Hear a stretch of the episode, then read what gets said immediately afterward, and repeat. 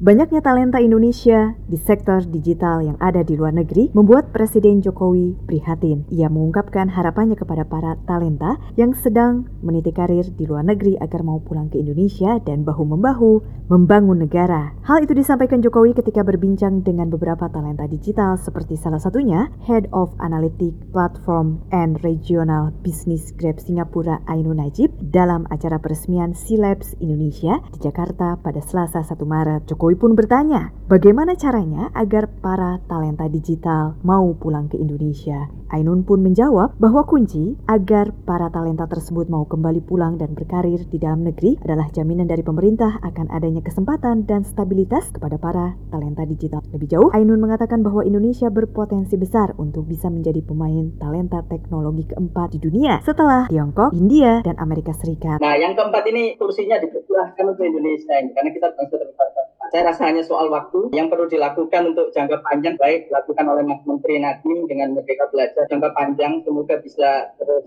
uh, dipertahankan. Dalam kesempatan ini Presiden juga berbincang dengan Head of Frameworks Engineering di Astana Amerika Serikat Feni Johanna. Jokowi bertanya terkait upaya apa yang bisa dilakukan pemerintah dalam menciptakan ekosistem di Indonesia agar para talenta digital tetap berkreasi untuk tanah air. Feni pun menjawab bahwa salah satu upaya konkret pemerintah adalah melalui dukungan insentif untuk para generasi muda? Menurut saya Pak, yang pertama adalah memberikan insentif buat anak-anak muda untuk bisa melakukan magang atau bisa melakukan magang bisa di uh, perusahaan di dalam negeri atau di luar negeri dan juga memberikan insentif buat orang-orang untuk melakukan riset-riset lebih. Usai berbincang, Jokowi pun meminta secara langsung kepada para talenta digital tersebut untuk segera pulang kampung guna membangun Indonesia yang lebih maju. Keinginan Jokowi ini pun bukanlah tanpa alasan. Pasalnya, potensi digital di Indonesia diperkirakan bisa mencapai 4.531 triliun rupiah pada tahun 2030.